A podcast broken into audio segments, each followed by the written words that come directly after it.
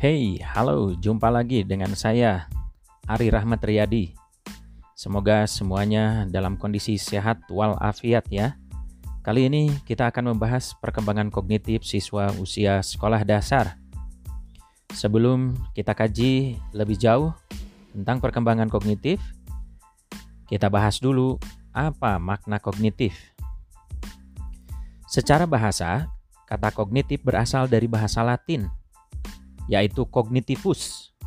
Lalu disederhanakan menjadi cognitus, yang artinya menjadi tahu atau memperoleh pengetahuan. Keterampilan kognitif melibatkan kemampuan untuk memperoleh informasi faktual atau yang lebih sering disebut sebagai pengetahuan yang teruji. Dengan demikian, Kognisi atau kognitif memang memiliki perbedaan dengan konsep sosial, emosional, dan kreativitas. Merujuk pada kamus Webster, ilmu yang berkaitan dengan kognitif berhubungan dengan persepsi, cara dan proses berpikir, dan cara manusia belajar. Lalu, apa itu perkembangan kognitif? Menurut kamus APA, Perkembangan kognitif adalah proses pertumbuhan dan proses pematangan dalam semua bentuk aktivitas berpikir, mencakup mempersepsi, mengingat, memformulasikan, memecahkan masalah, membayangkan di dalam pikiran atau imagining, dan reasoning atau pembuatan alasan. Banyak sekali teori-teori perkembangan kognitif yang bermaksud menjelaskan mekanisme proses baik itu untuk perkembangan maupun pematangan cara berpikir manusia. Salah satu yang paling dikenal adalah teori perkembangan kognitif dari Jean Piaget. Beliau melakukan penelitian dan rekan-rekannya mulai dari tahun 1920 sampai dengan 1964. Piaget membagi proses perkembangan fungsi-fungsi dan perilaku kognitif ke dalam empat tahapan utama, Empat tahapan utama tersebut secara kualitatif menunjukkan karakteristik yang berbeda-beda. Mari kita kaji empat tahapan tersebut. Tahap pertama disebut periode sensori motorik dengan rentang usia 0 hingga 2 tahun. Periode ini ditandai oleh penggunaan sensori motorik atau dalam pengamatan dan penginderaan yang intensif terhadap dunia sekitar. Prestasi intelektual yang dicapai dalam periode ini adalah perkembangan bahasa, hubungan tentang objek, kontrol skema, kerangka pikir, pembentukan pengertian, dan pengenalan hubungan sebab akibat. Perilaku yang tampak pada periode ini antara lain: 1. Anak menyadari dirinya berbeda dari benda-benda lain di sekitarnya. 2. Anak sensitif terhadap rangsangan, suara, dan cahaya. 3. Anak mencoba bertahan pada pengalaman-pengalaman yang menarik. 4. Anak mendefinisikan objek atau benda dengan cara memanipulasinya. Dan terakhir, 5. Anak mulai memahami ketetapan makna suatu objek meskipun lokasi dan posisinya berubah. Tahap kedua disebut periode praoperasional. Tahap ini berentang antara usia sampai antara usia 2 tahun sampai 7 tahun. Periode ini terbagi ke dalam dua tahapan, yaitu prakonseptual berentang antara 2 sampai 4 tahun dan tahapan intuitif berentang antara 4 sampai 7 tahun. Periode prakonseptual ditandai dengan cara berpikir yang bersifat transduktif atau menarik kesimpulan tentang sesuatu yang khusus. Misalnya, sapi disebut juga kerbau menurut anak. Sedangkan pada periode intuitif ditandai dengan dominasi pengamatan yang bersifat egosentris atau belum memahami cara orang lain memandang objek yang sama.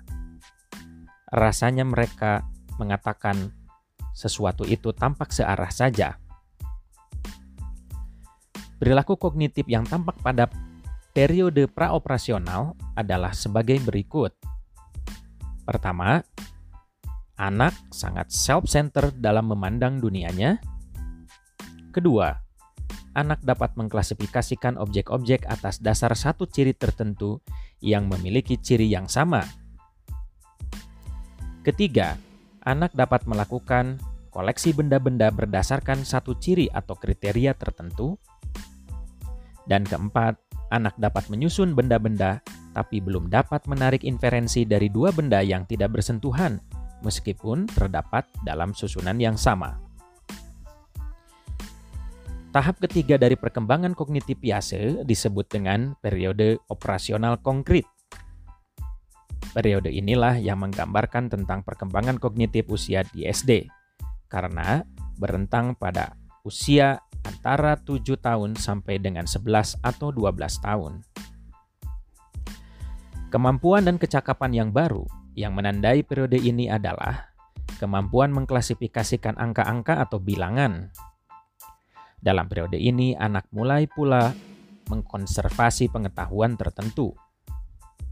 Perilaku kognitif yang tampak pada periode ini ialah kemampuannya dalam proses berpikir untuk mengoperasikan kaidah-kaidah logika meskipun masih terikat dengan objek-objek yang masih bersifat konkret. Tahap keempat dari perkembangan kognitif yang dikemukakan oleh Piase dan teman-temannya adalah periode formal operasional. Periode ini berentang dari usia 11 atau 12 hingga 14 atau 15 tahun ke atas. Periode ini ditandai dengan kemampuan untuk mengoperasikan kaidah-kaidah logika formal yang tidak terikat oleh objek-objek yang bersifat konkret. Perilaku kognitif yang tampak pada periode ini antara lain 1. Kemampuan berpikir hipotesis induktif 2. Kemampuan untuk mengembangkan suatu kemungkinan berdasarkan dua atau lebih kemungkinan yang ada atau dikenal dengan istilah analisis kombinasional. Ketiga, kemampuan mengembangkan satu proporsi atau dasar-dasar proporsi yang diketahui atau dikenal dengan istilah proportional thinking. Keempat, kemampuan untuk menarik generalisasi atau inferensi dari berbagai kategori objek yang beragam.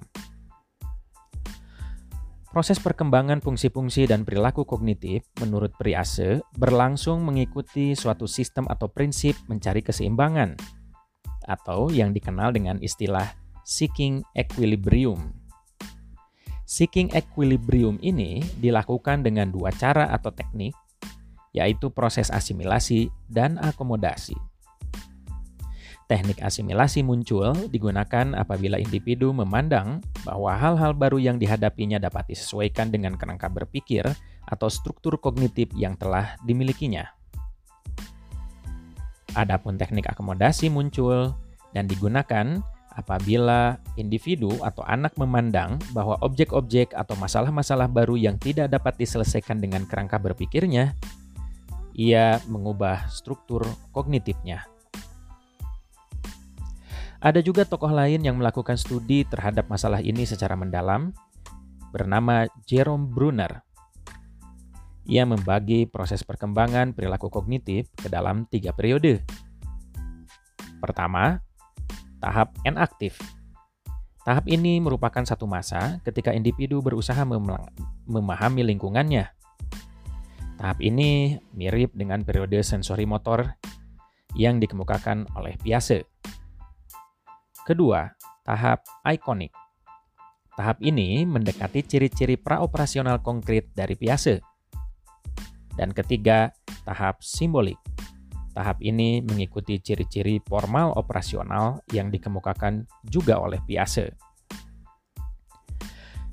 Baiklah, dari ketelaahan kita tentang perkembangan kognitif jelaslah mempunyai implikasi yang sangat penting bagi pengembangan sistem dan praktik pendidikan. Antara lain, para pendidik seyogianya mampu untuk melaksanakan hal-hal berikut. Pertama, mengembangkan empati intelektual. Maksudnya, seorang guru harus memiliki sensitivitas dan pemahaman terhadap perkembangan intelektual anak didiknya. Kedua, menggunakan objek-objek konkret. Ketiga, menggunakan pendekatan induktif. Keempat, mengembangkan pembelajaran yang bertahap. Kelima, membuat pengalaman belajar yang disesuaikan dengan tahap perkembangan kognitif. Keenam, mengajak siswa untuk melakukan prinsip-prinsip regulasi diri dalam pembelajaran. Dan terakhir, ketujuh, mengembangkan nilai-nilai interaksi kognitif di dalam proses belajar mengajar. Demikian, sesungguhnya masih banyak teori perkembangan kognitif yang dikemukakan para ahli lain. Namun pada kesempatan ini hanya dikemukakan dua ahli saja, yaitu Piaget dan Jerome Brunner.